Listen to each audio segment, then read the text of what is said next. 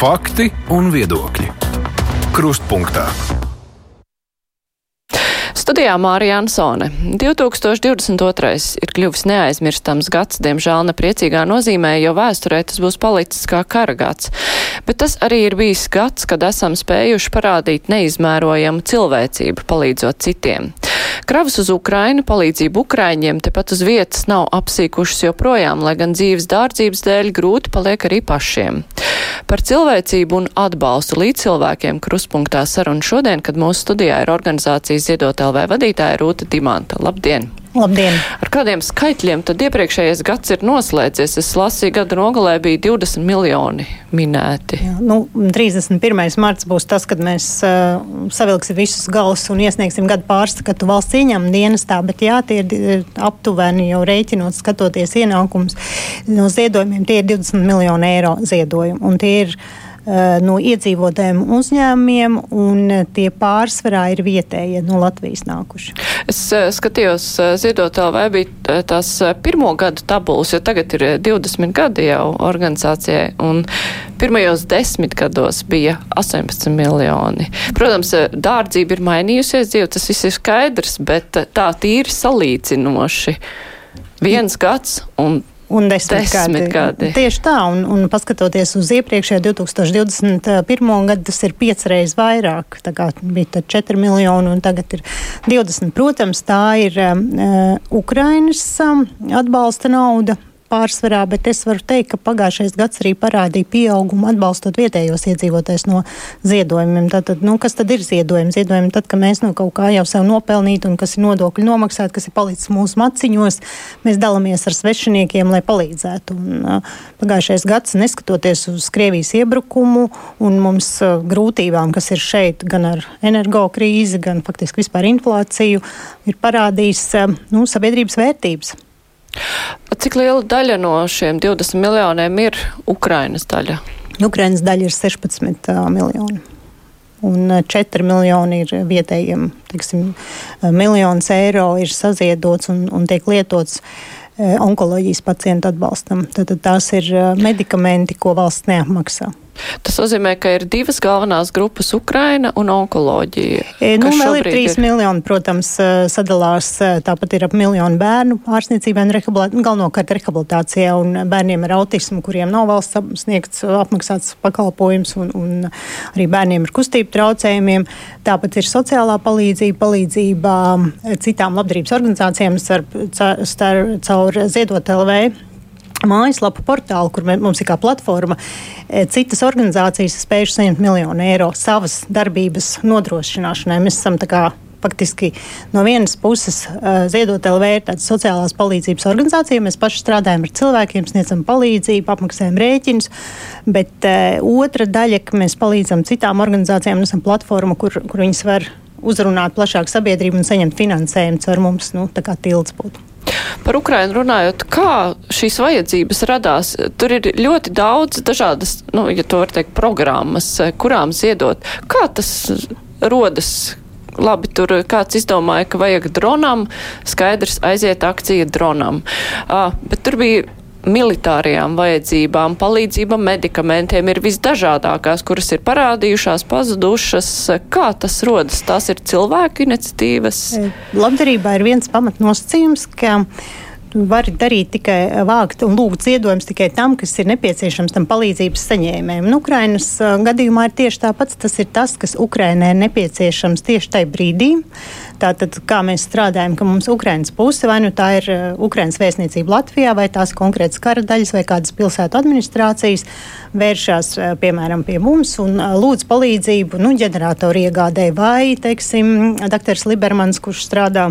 Uh, Kievas uh, hospitālī un, un, un palīdz ar ievainotajiem. Viņam ir savas vajadzības. Un izējot no tā, mēs saprotam, jā, Ukrainai tas šobrīd ir viena no aktuālākām lietām, un mēs tad. Uh, Lūdzam, sabiedrību tieši tam ziedot. Nu, piemēram, siltas, teiksim, ziemas uniformas. Tās mēs esam apgādājuši jau, nu, es teiktu, vairāk tūkstošu mm, mm apmērā, jo sākoties ziemai, regulārai armijai bija ziemas formas, bet to teritoriālām aizsardzības vienībām vai latviešu brīvprātīgiem šīs te nebija. Nu, tad mēs attiecīgi lūdzām sabiedrību tam ziedot, un tam arī uzreiz tiek nauda izlietot un aizsūtīt uz Ukrainu. Tas, tas ir pēc pieprasījuma.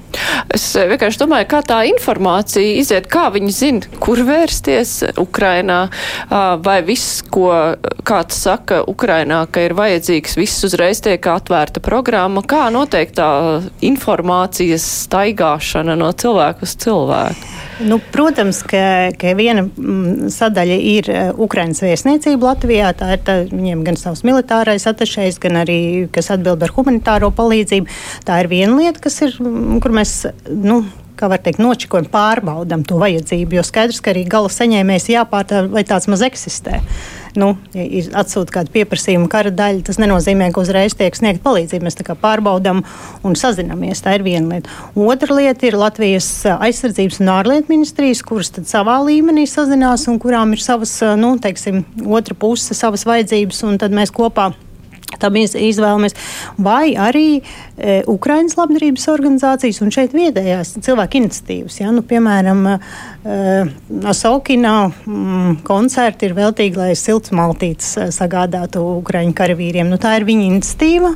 Viņš atnāca pie mums kā pie nu, vietas, kur varētu šo ziedojumu vākt un, un, un nodarbojas pats ar šo ziedojumu vākšanu. Mēs esam platforma. Tad tas tādā veidā ir. Un savukārt e, ziedot LV kontā ienāk e, Andrejs Aukina koncerta nauda. Mēs sazinamies ar ražotāju, pasūtām pārtiku, samaksājam no ziedojumiem un organizējam transportu, kas attiecīgi aizved līdz, līdz uh, saņēmējiem Ukrainā. Un salīdzinot ar citām Eiropas Savienības valstīm, nu es tā kā piemēru minu Eiropas Savienības valsts, jo tur jau arī notiek šādas ziedošanas. Mēs esam lieli ziedotāji, vai nav tas tā salīdzināts?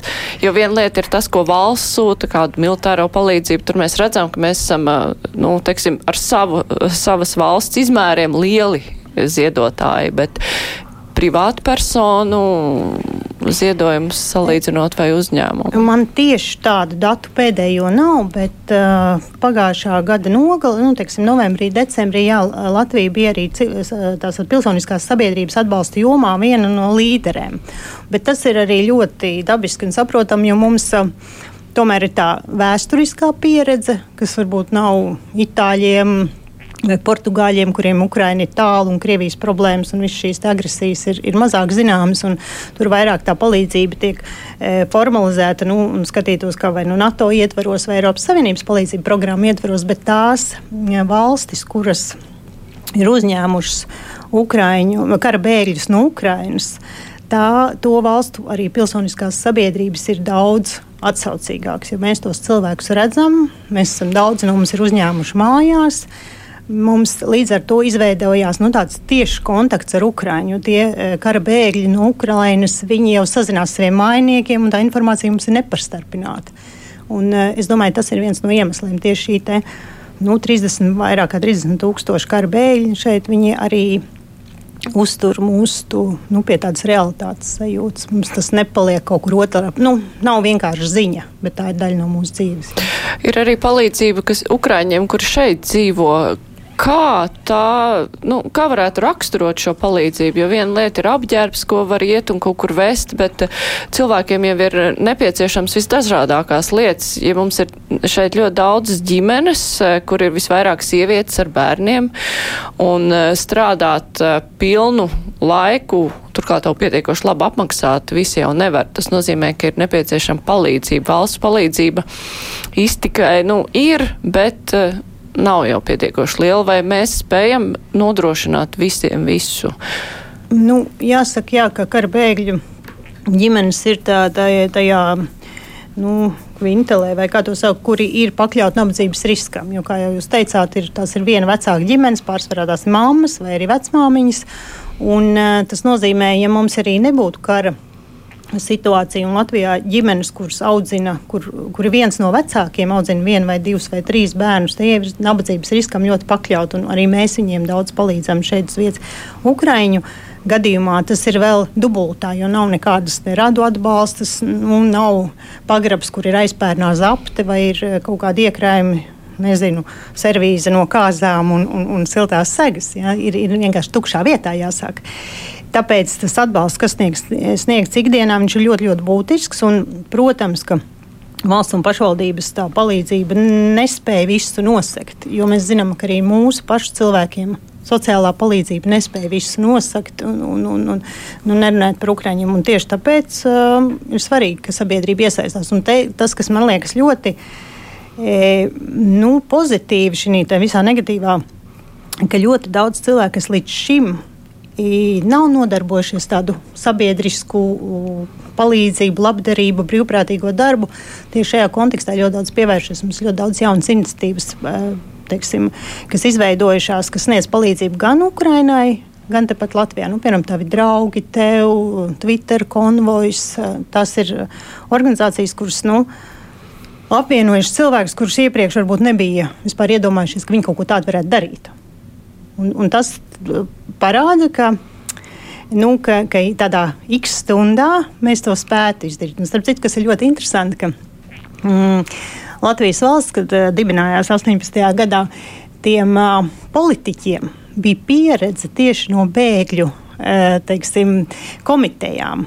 Pirmā pasaules kara laikā viņi jau bija kā pilsoniski sabiedrības organizējuši palīdzību bēgļiem, teiksim, kad bija tur un uh, guvuši tādas uh, nu, organizatoriskas iemaņas sabied, uh, nu, kopējam labumam strādāt. Un es domāju, ka mums arī šis ir tādā traģiskā lietā tāds labs uh, nu, treniņš, kā nu, ne tikai visu laiku gaidīt no valsts vai pašvaldības, ka mēs nodokļus esam samaksājuši un, un tagad, lai tieciet galā, bet arī iesaistīties reāli tad, kad tas ir vajadzīgs.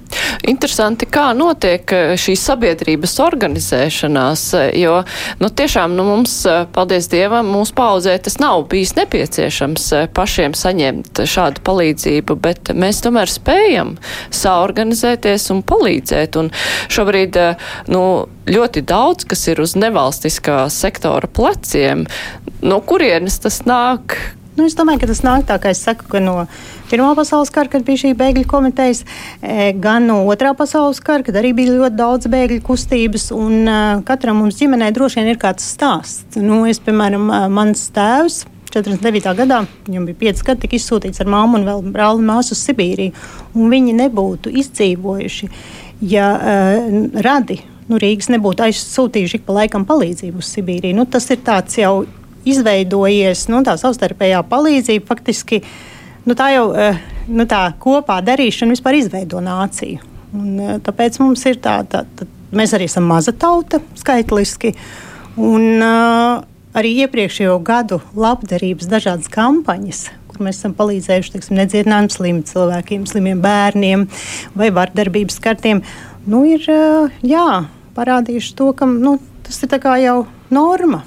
Būt nevis tikai nevis vērtība, nevis egoisms un, un, un, un, un mantkārība, bet atvērtība un, un palīdzēšana. Un tās ir kaut kādas vērtības, pēc kurām mēs sekojam, kuras mēs, mēs sevi novērtējam, ko mēs domāju, uzskatām par nu, adekvātu vai cienījamu rīcību. Un tas tā tiek uzskatīta palīdzēt tam, kas ir nonācis grūtībā. Tā ir tāda laba īpašība nācijai. Uh, ja mēs runājam par palīdzību Ukrainas civiliedzīvotājiem, tad uh, nu, ir viens tas, nu, ja tā, tā var nosaukt, komplekts, ko valsts nodrošina, tās pamatlietas, uh, mājoklis, darba atļauja, izglītība. Bet reālajā dzīvē šie cilvēki bieži vien saskars ar kaut ko citu. Nu, tā kā, kā teorētiski viņi var saņemt un dzīvot, bet praktiski skolā saskars ar to, ka nesaprot, ko māca. Vai sociālā palīdzība ir eh, iespējama, bet cilvēks nezina, kur to dabūt vai nezina, kur darbu dabūt. Kā jūsuprāt visvairāk eh, šiem cilvēkiem pietrūkst? Eh, vai tas ir kaut kādi tādi cilvēciskie sakari, stāsts par to, nu, ka kāds ar viņiem strādā personiski, vai tā tomēr ir vairāk nauda?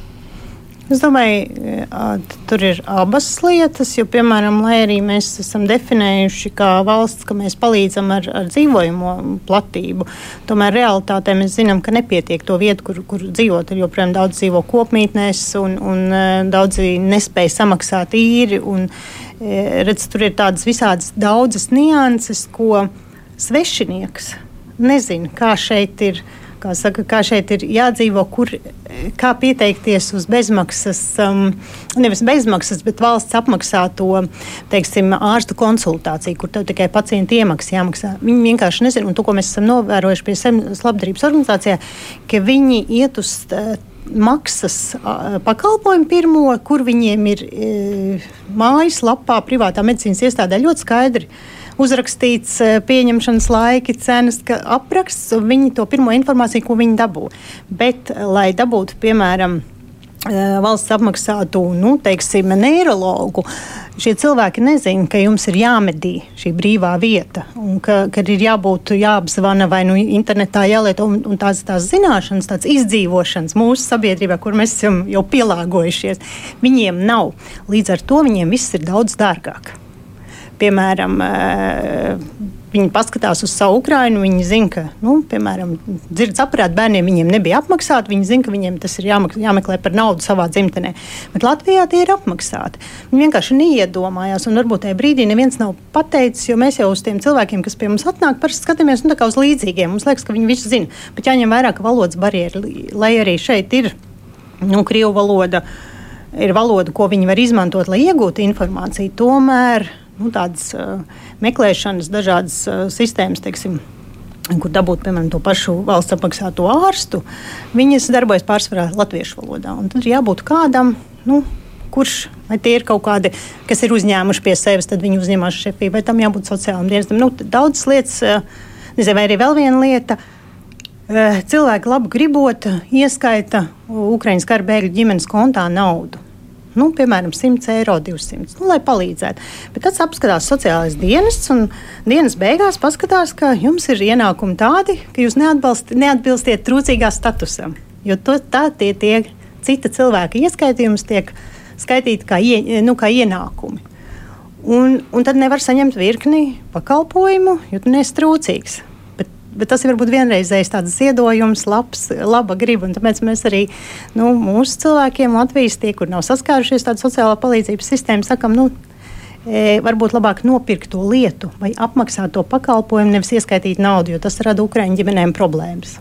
Bet ir tāda nu, pietiekoša informācija, sapratne gan mūsu iedzīvotājiem, kā palīdzēt un Ukraiņiem kur saņemt visefektīvāk to, kas ir vajadzīgs. Jo, nu, taču ir it kā atbalsta centri, ir tāluņi, tas viss nestrādā. Nu, kā lai es saku? Nu, tā, man ir pašai kaut kāda jauna lieta, ko es neesmu ar, ar valsti vai pašvaldības saskārusies, ir jāsaprot. Piemēram, cilvēks ir nu, cietis ar insultu, un kā tad tālāk viss tā nu, gan aizgādnības nodibināšanu un, un invaliditātes. Arī man tajā jaunā vietā saskaroties, ļoti jaurubjās parasti cauri, jo tas nav tādā vieglā valodā, tas ir atsaucis uz noteikumiem tā tālāk. Mums pašiem ir grūti atrast informāciju.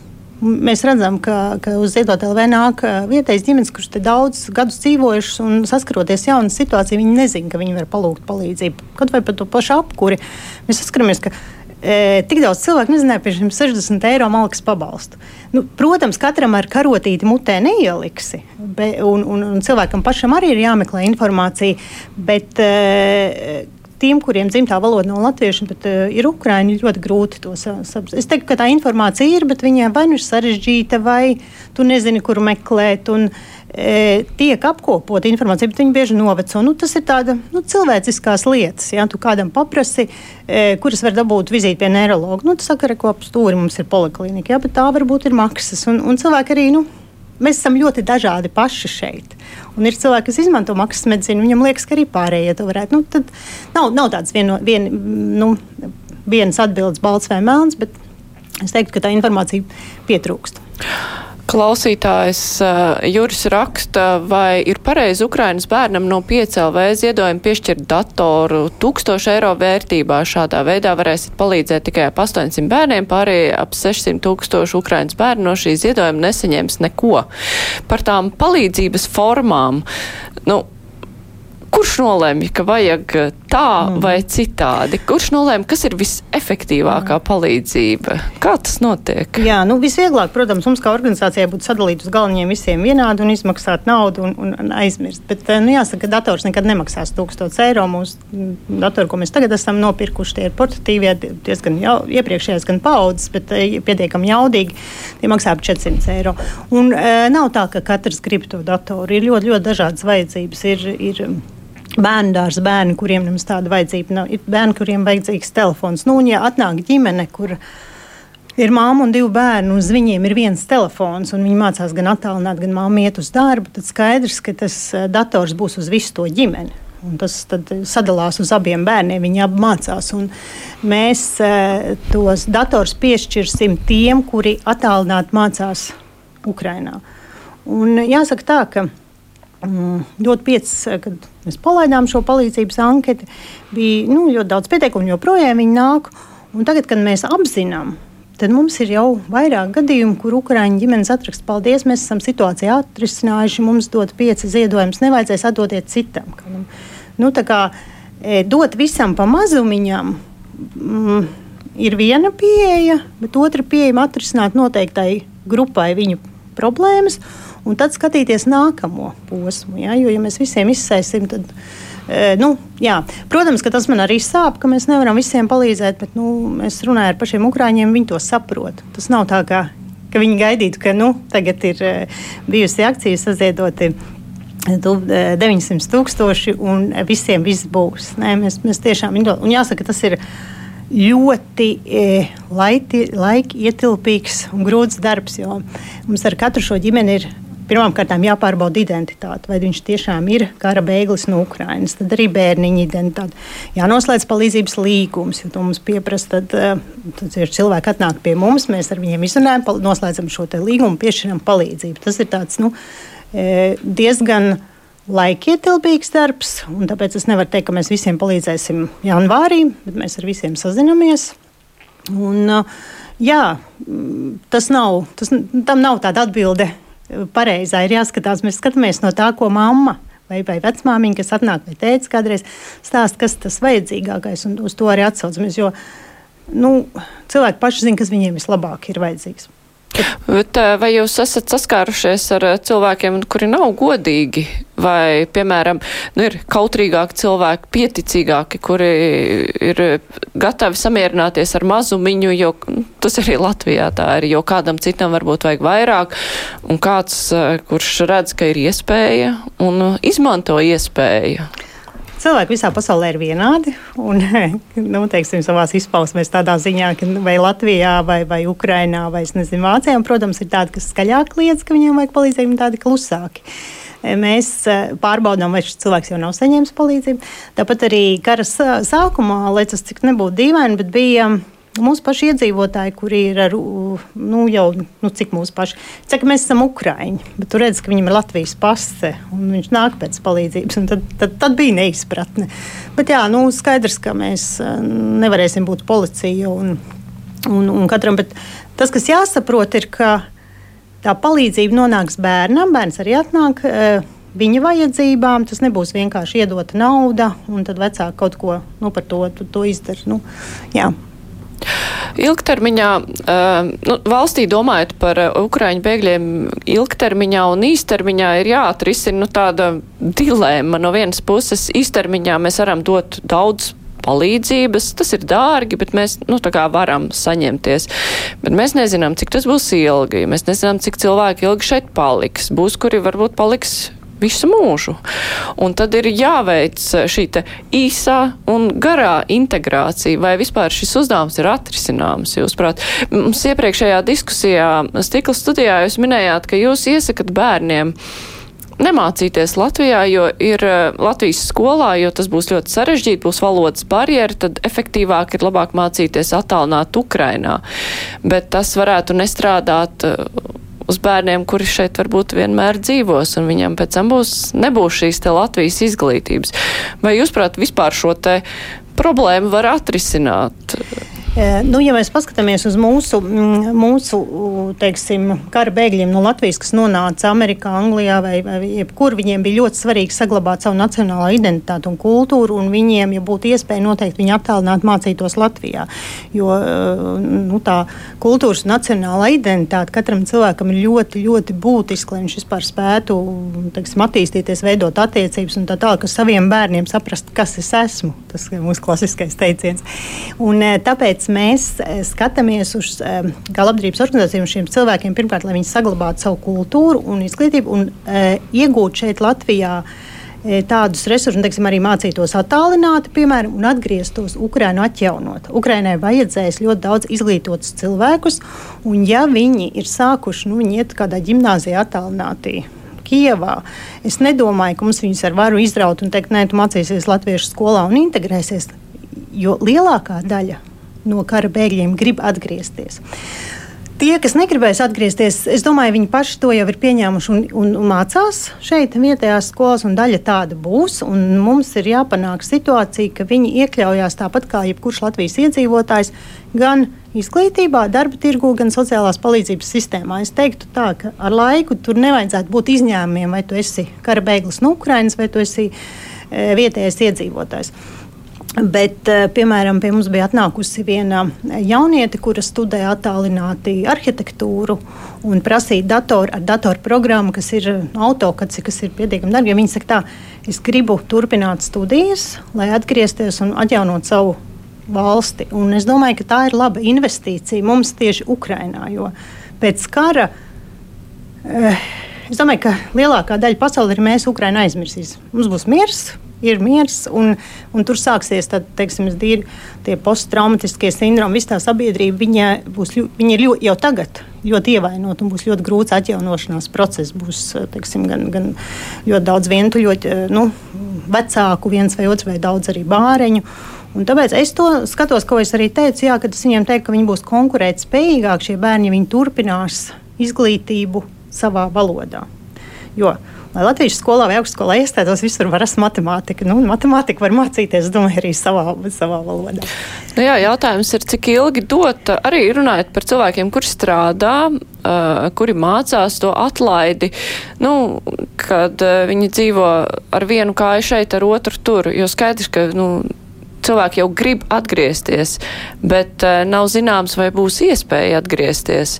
Un uh, kurā brīdī Kādam laikam ir jāpaiet, lai mēs uzskatītu, ka nē, tomēr viņiem ir jābūt mūsu sabiedrības daļai ar mūsu valodu, jo uh, cilvēku daļa, kas nesaprot valodu, mēs jau zinām, kas notiek, tad, kad ir pārāk liela tāda sabiedrības daļa, kur dzīvo citā vispār. Pilnīgi, es pilnīgi piekrītu, ir jāmācās latviešu valodu, un mums tas ir tā jānodrošina, un es saprotu, ka tagad no janvāra tie kursi ir pieejami, bet viņi joprojām nav pietiekami, un, un tā ir. Tā, tā iespējai, e, respektīvi, tā, es teiktu tā, nu, es esmu pie optimistiem piedaru un ceru, ka 2023. gadā karš tādā šī izpratnē beigsies. Nu, teiksim.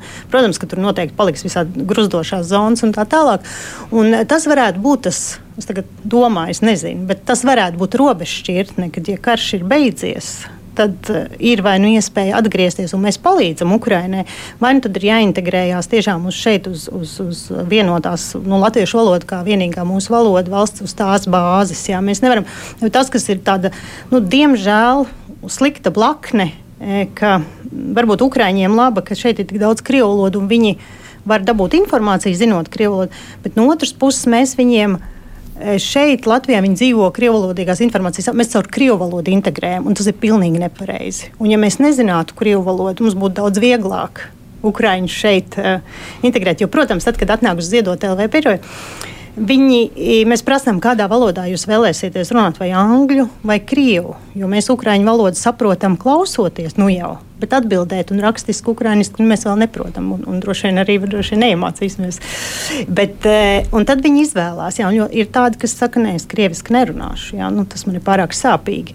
Mm, bet ir nu, pārsvarā jau, protams, kā, kā to svešu valodu izmanto krievu valodu. Tas ir, tas ir bīstami, ja tā daļa paliks šeit un turpinās integrēties uz Krieviju. Tas, bet tas ir tikai no mums atkarīgs, vai mēs ar viņiem runāsim latviešu, jo mēs esam parādījuši, ka mēs ar krieviem runājām krieviski līdz pat. Uh, 24. februārim, nu, redz, ko mēs esam. Jā. Nu, jā. Un kā tad mēs būsim nelaipni pret Ukraiņiem, jo mēs taču viņus atbalstam? Jā. Labi, mēs pievērsīsimies arī mūsu vietējām problēmām. Es tikai atgādināšu, ka šodien mūsu studijā ir organizācijas Ziedot LV vadītāja Rūta Dimanta. Mēs tūlīt turpināsim sarunu. Raidījums Krustpunktā. Pavisam pat citu tematu klausītāji ir uzrakstījusi. Būtu brīnišķīgi, ja Rūta Dimanta būtu Latvijas prezidente. Inteliģence, gudrība, reālās situācijas izpratne. Tādas ambīcijas jums ir? Jā, paldies par novērtējumu. Nē, man, man nav tāda ambīcija. Man liekas, ka tas ir ārkārtīgi grūts, sarežģīts, atbildīgs darbs. Tev ir jāpārzina gan starptautiskā politika, gan iekšpolitika. Tā ir tāda milzu, milzu augsta latiņa, kurai, kurai bet uh, paldies par novērtējumu. Ir patīkami dzirdēt, ka kāds uh, manī kaut ko tādu redz. Jā, jā bet uh, sarunas sākumā mēs. Jau, jūs jau iezīmējāt to sadalījumu, cik liela ir palīdzība Ukrainai un citām lietām, kas ir aktuāls Latvijā. Un, pirmā vietā ir onkoloģija, ir bērni ar īpašām vajadzībām, sociālā palīdzība. Tās viss ir lietas, kur nu, šķistu, nu, kā pašsaprotam, ka valsts palīdz. Bet, eh, nu, mēs esam tomēr arī spēruši soli uz priekšu gadu gaitā. Eh, onkoloģijā. Cik liels tas solis ir spērts, ja mēs runājam par to, kāda būtu ideālā situācija un kā bija, teiksim, nezinu, pirms desmit gadiem? Protams, protams, ka mēs esam spēruši ļoti daudz soļus uz priekšu, un kā valsts attīstījušās, un labklājība iet uz augšu. Un, uh, Ziedot LV 20 gadus darbojās. Un, Ja, piemēram, pirmajos darbības gados bija tādas lietas, ka bērniņam, kurš ir priekšlaicīgi piedzimis, vajadzēja lētas par 300 latiem toreiz, un tie nebija valsts, tas nebija apmaksāts. Tagad mums nav iedomājums, ka vajadzētu kaut ko tādu lūgt no ziedojumiem ar vienu. Bet, piemēram, to pašu onkoloģiju paskatoties, nu, te problēmas ir ļoti samilzušas. Gan organizatoriskās, visas šis vēža reģistrs no tālāk, gan tas, ka mēs um, atpaliekam, un es nezinu, kāpēc, no Baltijas kaimiņiem kuriem uh, šīs medikamentus apmaksā daudz vairāk diagnozēm. Un tas, kas man liekas, joprojām onkoloģijā ļoti ai, sāpīgi un man nesaprotami, ka nu, tu maksā nodokļus, un tu sasniedz, ka saslimst ar kādu no vēža veidiem. Un tad valsts saka, ah, tu esi saslims ar pareizo onkoloģiju, tev mēs apmaksāsim zāles. Ah, nu, tev ir tāda mm, acis melanoma, piemēram, pirms gadiem, pirms pusotra gada tā problēma bija. Ādas melanoma mēs jums apmaksāsim dārgas zāles. Nu, tas, piemēram, 4-5 tūkstoši eiro mēnesī. Acis melanoma? Nē, šī diagnoze nav. Šai, šai diagnozē medikamentus neapmaksā. Un joprojām tā ir, ka tiek šķirots no tā, kā tu ar kādu sli, nu, vēža veidu saslims. Un tas man liekas tik negodīgi, ka nav tās. Nu, nu, nav taisnīguma tāda. Un, e, pie tā ir vēl jāpieņem. Ka tās lielākās lietas, jā, kam, e, kam ir nepieciešams ziedojumi, tātad joprojām ir medicīnai. Un, ja mēs paskatāmies valdības veidošanas procesu, kuru ministriju neviens negribēja. Nu, jā, veselības aprūpe. Veselības, tāpēc, ka tā ir e, vienmēr paskatoties uz labdarības organizāciju darbu, jebkurā valstī. Jūs e, paskatīsieties, kam palīdz labdarības organizācijas, var pateikt, kas ir tā problēma valstī. Jo neviens jau nesāks e, e palīdzēt e, lietām, kas ir sakārtotas. Nu, jo, ja es jums lūgtu, nezinu, kaut kādu sabiedriskā transporta nodrošināšanai vai vilcienu iepirkumu, nu, vai vienalga, kam cilvēki teikt, nu, tā taču nav problēma, kāpēc lai sadod savu privātu naudu. Bet medicīnā, kāpēc tik daudz arī cilvēku ziedo, viņi paši ir izgājuši cauri tam, ka kāds tuvinieks ir saslims un tu esi palicis viens. Un tā ir, tā ir diemžēl viena no smagākām lietām, protams, arī sociālā palīdzība, teiksim, ja cilvēks ar invaliditāti un arī izglītības problēmas. Nu, Te ir divas lietas, jā. kam visvairāk ziedo un kam lūdz, un ko negrib politiķi uzņemties atbildību par kurām ministrijām. Un te nu mēs redzam mūsu problēmu. Nu, labi, veselības aprūpē. Tas pats jautājums, nu, ko es iepriekš vaicāju par palīdzību Ukraiņiem. Vai tas ir tikai naudas jautājums, vai tas ir kaut kādas kārtības jautājums? Jo, nu, naudu Protams, medicīnā, veselības aprūpē ir pārāk maz naudas. Tajā pašā laikā mēs paskatāmies uz eh, to, kas notiek onkoloģijas centrā. Tur jau ir ne tikai jautājums par naudu, bet par kārtību. Nu, šajā gadījumā tās ir attiecības ar slimnīcas vadību, bet tā jau var skatīties uz lietām daudz kur. Jā, nauda noteikti neatrisinās visu. Nauda ir svarīga medicīnā, bet medicīnā nu, arī iegrūžot visu pasaules naudu, mēs nevarēsim dabūt nākamā dienā gatavus onkoķirurgus, lorus. Viņiem ir jāmācās 7 līdz 9 gadi. Tas nozīmē, ka nauda ir nevar ir, eh, var atrisināt tikai arī gudra vadība. Un, eh, piemēram, eh, ja mums nav e-veselībā iespēja joprojām atzīmēt ar kādu diagnozi slimo vai, vai nu, teiksim, slimības lapu, par ko ir izrakstīta, vai, vai mēs nevaram atzīmēt to, ka cilvēkam vajadzēs pēc gada tehniskais palīglīdzeklis, jo, jo, jo ir zināmas indikācijas, mēs nevaram plānot. Nu, ir jābūt datos balstītai e, pārvaldībai. Un, Medicīnas jomā tā diemžēl trūkst. Ir vairāk tāda, tās nozares, kuras ir spējīgākas sevi pārstāvēt vai kur ir farmācija ieinteresētāka, viņas ir vairāk attīstītas. Bet, piemēram, bērnu rehabilitācija vai arī pieaugušo rehabilitācija, kas ir ilgs, dārgs uh, process ar mazu uh, teiksim, to atdevi, jo tur ir tikai cilvēka darbs. Viņš ir bieži vien pabērnumā un nav izskaidrots. Un ir tā, ka, piemēram, bērnu rehabilitācijā gan Labklājības ministrija finansē bērnu rehabilitāciju, gan veselības ministrija, gan pašvaldības. Un tad sanāk tā, ka tie vecāki, viņi ir, un vēl Eiropas Savienības programma, un viņi tā tādi detektīvi staigā un saņ, savāc kopā to. Bet mūsu ir tik maz, un tie bērni, piemēram, ar invaliditāti ir 8000. Eh, Latvijā, ka varētu viņiem nu, paskatīties viņa vajadzības. Mēs zinām, pēc gada viņām vajadzēs zābaciņu, tad ieplānot to budžetā. Nu, tā ir arī tā pārvaldība. Jā, tas, tas ir grūti mainīt, jo es arī saprotu tos ministrus. Viņi ieiet uh, ministrijā, kur jau ir sava kārtība, tas tā kā mēs ietu e, kādā mājā, kurai ir sava kārtība, kā mazgāt traukus, kā iet gulēt un, un mēģinātu tur kā, vadīt kaut ko un mainīt. Nu, es domāju, ka nu, tā, kad, nu, mana mamma pie manis atbrauc, viņa droši vien gribētu savu kārtību, jo es gribētu savu bērnu, un es jau sparojos pretī. Un tāpat arī es domāju, tā visa sistēma. Viņi jau negaida, neviens negaida pārmaiņas. Katram ir nu, ērti savā kurpēs visticamāk. Un, un jā, jāmainās no iekšas, to es gribu teikt. Jūs pieminējāt bērnu rehabilitāciju. Es esmu lasījusi dažādos formos. Ir cilvēki, kur saka, jā, tur kāpēc man ziedot kādam bērnam, kuram uzlabojums būs ļoti mazs? Bet uh, tur aizies milzīga nauda. Tajā pašā laikā es labāk ziedošu kādam, nu, kur tas uzlabojums būs uzreiz liels. Tāpat arī, teiksim, par uh, medikamentiem, onkoloģijas pacientiem, ka, nu, tad. Uh, aizvirzīs, novirzīs tur, kur uzreiz tā var tādu lielu vēzienu palīdzēt, nezinu, vairāk cilvēki efektīvāk vai kā.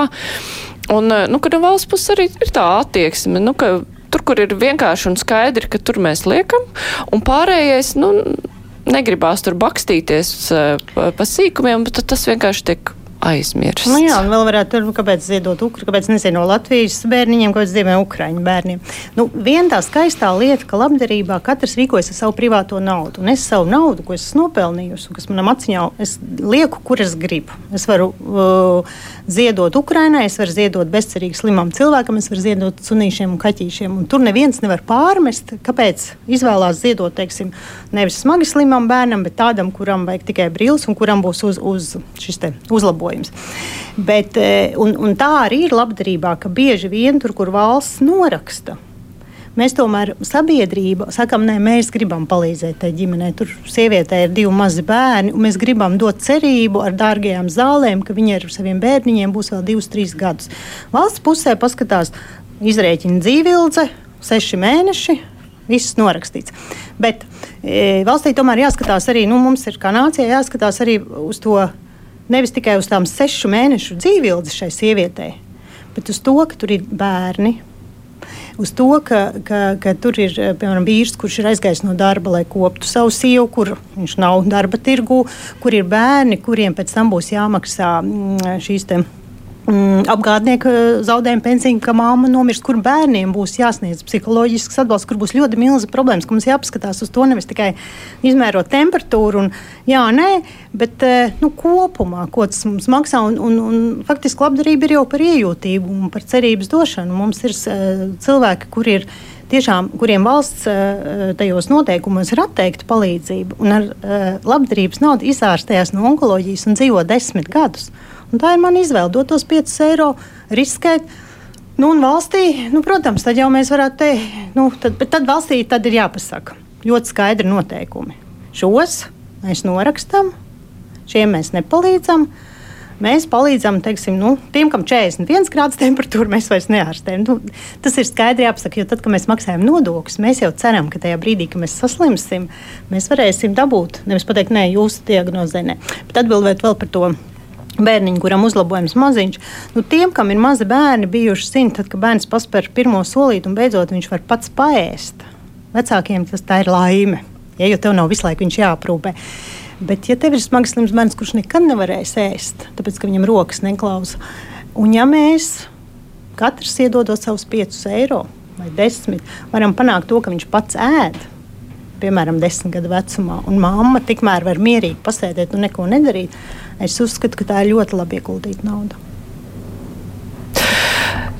Ziedošanas organizācijas, un bieži vien tiek tas eh, tiek veidotas dažādas akcijas, tas ir tāds nu, grūdējs spēks, jo um, tas, ko jūs uh, minējāt par to, ka jā, sākumā cilvēki vienkārši ziedo, tāpēc, ka viņi saredz iespēju, bet varbūt pēc tam valsts arī saskata iespēju tomēr palīdzēt. Tas ir tāds, nu, ka cilvēki arī caur ziedošanu var pabīdīt lietas uz labu. Nevis valsts tikai, ah, nu tur jau sadzied, saziedos, bet saskatīs tendenci, ka cilvēki redz tur perspektīvu. Nu, jā, un nē, tā tam vajadzētu mm -hmm. būt, bet mēs zinām, ka, piemēram, palietīva ap, aprūpē nedziedinām smagi slimi cilvēki, ap, kur 2019. gadā arī bija maratons dot pieci.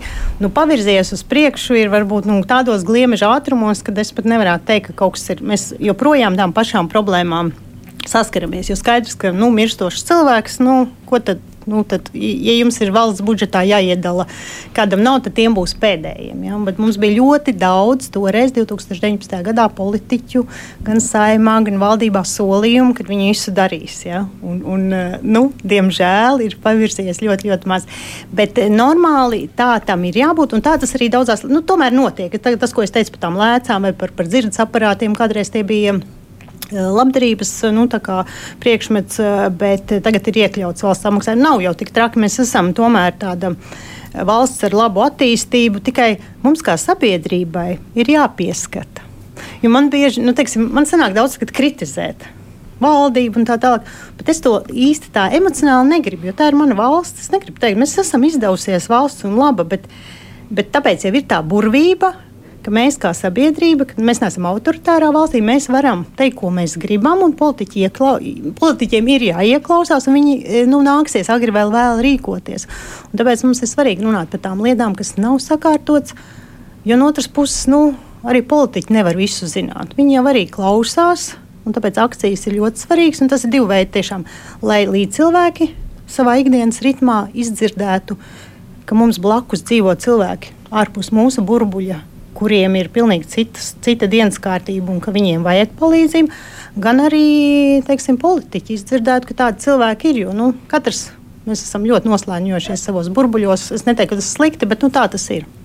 Nu, paliatīvā aprūpe ir tāds spilgts piemērs, jo, ja mēs uh, tagad uh, kā milzīgu sasniegumu varam uzskatīt, ka, ka tas 150 gultus, kur ir vairāk reiz vairāk nepieciešams, un es arī ļoti labi atceros politiķu solījumus. Uh, Kur tad viņi paliek?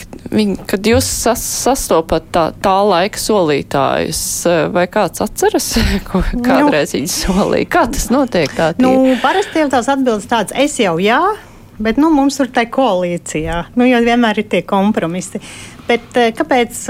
Nu, redz, kas, mēs jau kā sabiedrība kopumā droši vien neatceramies tos solījumus un ievēlam atkal tos nu, mazāko ļaunumu. Es nezinu, kā to teikt, kas, kas varbūt arī uz pirms vēlēšanām sola labāk. Un arī nav, ir, ir pārspīlēts, ka visi seko līdzi politiķu solījumiem. Un, un tie varbūt jūs, mēs tie aktīvākie cilvēki, liela daļa cilvēkiem ir pietiekami rūpes par savu dzīvi, lai vēl sekot, ko kāds politiķis ir solījis un nav izpildījis. Ja tās pamatlietas, kā tāda drošība mums ir šeit garantēta, nu, kaut kāda iekšējā drošība ir liela problēma manā uzskatā joprojām.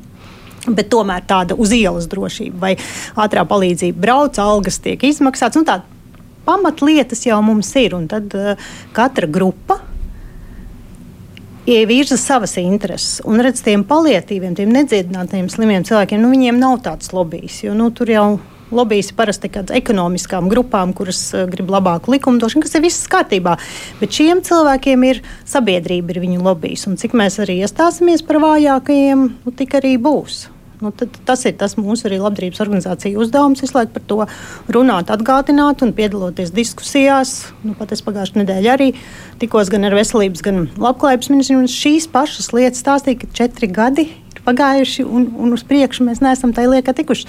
Un, nu, skatīsimies, kā būs tagad. Jā. Un tas ir tas, es tā vērtēju politiķus pēc tā, ka viņi, es arī viņus satiekot saku. Jā. Nu, tāda laba palietīvā aprūpe jau droši vien ir tikai nu, tāda ļoti bagātu valsts privilēģija. Mēs tā tad sevi nevaram pieskaitīt vienkārši pie tādām. Nu, Latvijā turīgie cilvēki spēja nomirt bez sāpēm. Trūcīgāki cilvēki mirst ilgi un dārgi, bez, bez pienācīgas aprūpes. Tas nav, tas nav normāli. Un, uh, tam ir risinājumi. Nu, šogad atkal ir pateicoties atkal, citu sabiedrības spiedienam, hospice, kad bija pagājušajā gadā pilotprojektā ir samariešu apvienībai šis pakalpojums arī paplašināts un, un ir. ir Liepājā nu, mēs ejam maziņiem soliešiem. Ir skaidrs, ka medicīna iet uz priekšu, un mēs visi mir, dzīvosim ilgi un mirsim ilgi, jo mūs spēs uzturēt pie dzīvības. Un tā ir, nav, to nevar ne, nerēķināties, to, ka tā būs ar vien nu, lielāka problēma, kad sabiedrība novecosies un vecie cilvēki būs ar vien vairāk, un viņiem vajadzēs palīdzību. Nu, tad es nedomāju, ka kāds varētu iziet uh, uz skatuves un pateikt, nu, jūs mirstat, vairs nodokļu maksātāji nebūsiet, un, un mēs par jums nerūpēsim. Es domāju, diez vai kāds to atļausies. Un cilvēcīgi ir parūpēties. Un tur ir piemēram tādas lietas, ka, ka, ko 2019. gadā politiķi solīja. Tad, kad tev pēkšņi nonāk cilvēks nu, pēc avārijas, nedziedināms slims mājās vai pēc insulta, ka tuvinieks, līdzīgi kā bērniem, varētu paņemt B slimības lapu, ko valsts samaksā, kamēr sakārto procesus. Nu, nav aizgājis uz priekšu, ir visādi fiskālie, tādi tur valstī nav naudas, bet tam tuviniekam ir jāatrod nauda. Viņš ne, viņu izstumj no slimnīcas pēc desmit dienām, guļošu, un tev ir jātiek galā. Tu, ne, tu nevari pateikt, aiziet uz pašvaldību un teikt, mana fiskālā telpa neļauj palīdzēt manai mammai. Un palīdzēt, un pašvaldība saka, mūsu fiskālā telpa arī neļauj. Nu, ko, ko tad mēs darīsim? Tad varbūt ir tomēr runāt par eitanāziju. Kā atļaut, nu, ka cilvēks cieš milzīgas sāpes. Mums gada sākumā tiešām aizgāja viena sieviete ar diviem pusauģu bērniem. Vīrs teica, nu, ka tas ir šausmīgi skatīties, ka viņai sāp, ka nevar pieskarties un tu neko nevari izdarīt. Jo tu nevari ātrie palīdzības tādiem nebrauc, kas ir normāli, jo tā ir palietīva apriepa. Slimnīcā tu nevari ielikt, jo jāgaida trīs mēneši, un tavs tuvinieks mirst milzīgās sāpēs, onkoloģijas pacients. Tu bezspēcīgi, un arī bērni bezspēcīgi. Tas, nu, tas nav 21. gadsimtā nu, pieņemami. Man tas liekas šausmīgi. Tāpēc mums ir labdarības programmas nedziedināmiem slimiem cilvēkiem, kur mēs um, no ziedojuma apmaksājam uh, aprūpētāju jo nu, valsts nu, pašvaldība aprūp mājās nav visās pašvaldībās. E, tāpat higiēnas uh, lietas, vai ļoti smagos gadījumos arī privāta aprūpas iestādē, piemēram, nedēļu, kas izmaksā 1000 eiro, bet tad cilvēku atsāpina. Nu, Jo nav jau šie ārsti arī palīdzības aprūpes. Mēs jau varam iedot milzu, miljonus, bet nav jau ārstu. Tas, tā, tā nozara ir jāattīsta. Un, un ir ārsti, kas to gribētu attīstīt, bet nu jā, pirms tam mums ir jāizvēlās diemžēl. Bet man liekas, ka nevajadzētu izvēlēties, vai ne? Ka vajadzētu atrast tam. Nu, mēs neesam pati trūcīgākā valsts tomēr. Ar ko atšķiras uh, bagātāku un netik bagātu valstu labdarība? Jo, nu, kādreiz vispār pēc padomju gadiem šķita, ka nu, labdarība tas ir kaut kas tāds mazliet tā kā no kosmosa, jo nu, ir mecenāti, ka ir cilvēki, kuri gatavi savu naudu ziedot kādam izglītībai vai nu, kaut kādiem fondiem. Tas, tas šķita mazliet brīnumaini, jo padomju cilvēks jau ar neko tādu īpaši nenodarbojās. Ar ko nu, mēs tagad varam salīdzināt, teiksim, vienas bagātas valsts labdarību no Latvijas, kas nav tik bagāta. Mēs iedojam pamatlietām. Tā ir tā viena lieta. Jā, tā ir viena lieta. Otra lieta, ka, protams, pēc um, neatkarības atgūšanas, pēc okupācijas beigām, mums pašiem katram bija milzīgs trūkums. Un kamēr mēs uzkrājam savu personisko kapitālu, nu, savu leduskapu, savu televizoru, nu, to pamatlietu, tikmēr bija grūti skatīties, lai kādam palīdzētu. Tagad ir, cil, protams, sabiedrība noslāņojusies, bet ļoti nu, tas vidusslānis un turīgais slānis ir gatavi nu, no savas maciņa, no privātiem ienākumiem ziedot.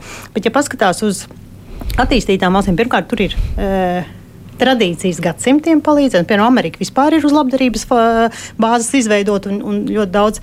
Zināt, ka Centrāla parka uztur labdarības biedrība kas man bija pārsteigums Ņujorkā. Ja? Tad viņi ir paši gatavi, kā, nu, kā jau e, kopienas, uzturēt savus.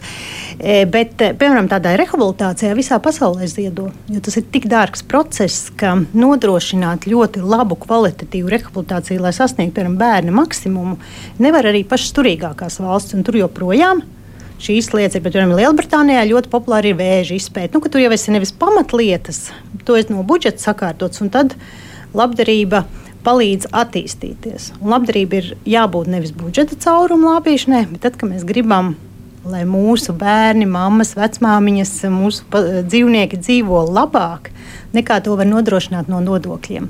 Tā kā kaut ko labāk, un es gribētu sasniegt tādu. Nu, uh, tādus laikus, kad mēs nevis ar pamatlietām, ar labdarību nodarbotos, bet kaut ko labāku. Ja valsts nodrošina digitālu dzirdes aparātu, tad mēs jau nodrošinām dzirdes aparātu bērniem, kur jau mākslīgais intelekts. Nu, pievienoto vērtību. Nu, līdz tam vēl jāiet. Nu, Ziedot LV 20 gadi, jums ir pieredze, jūs redzat, cik daudz mēs esam aizgājuši. Nu, Droši vien tā nevar sarēķināt, cik gadu vēl jāiet, bet nu, mēs virzamies. Mēs ne? noteikti virzamies. Piemēram, Boris un Ninārs Teterofons. Jā. Ģimene, kas ir izveidojusi, starp citu, atbalsta arī ziedot LV mūsu izmaksas, apkuras šīs sezonas tieši nāca tālāk.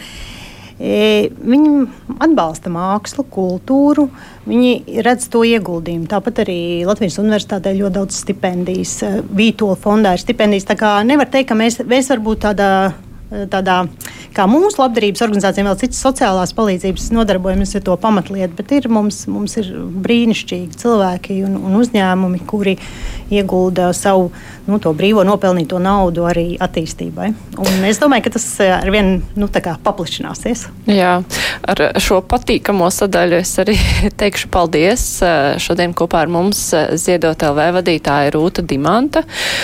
Es vēl mazliet izstāstīšu par rītdienas raidījumu. Mums ir klausītāji brīvajā mikrofonā teica, ka ir jārunā par svarīgajām lietām, piemēram, par energoresursu dārdzību. Mēs par to runāsim. Esam pārdzīvojuši nu, pusi no šīs grūtās ziemas, ko gaidījām ar stiprām bažām. Tagad apmēram varam nojaust, cik tas maksā. Nu, jāsāk domāt arī par nākamo. Tad mēs rīt ar ekspertiem spriedīsim par to, kas ir gaidāms energoresursu tirgu.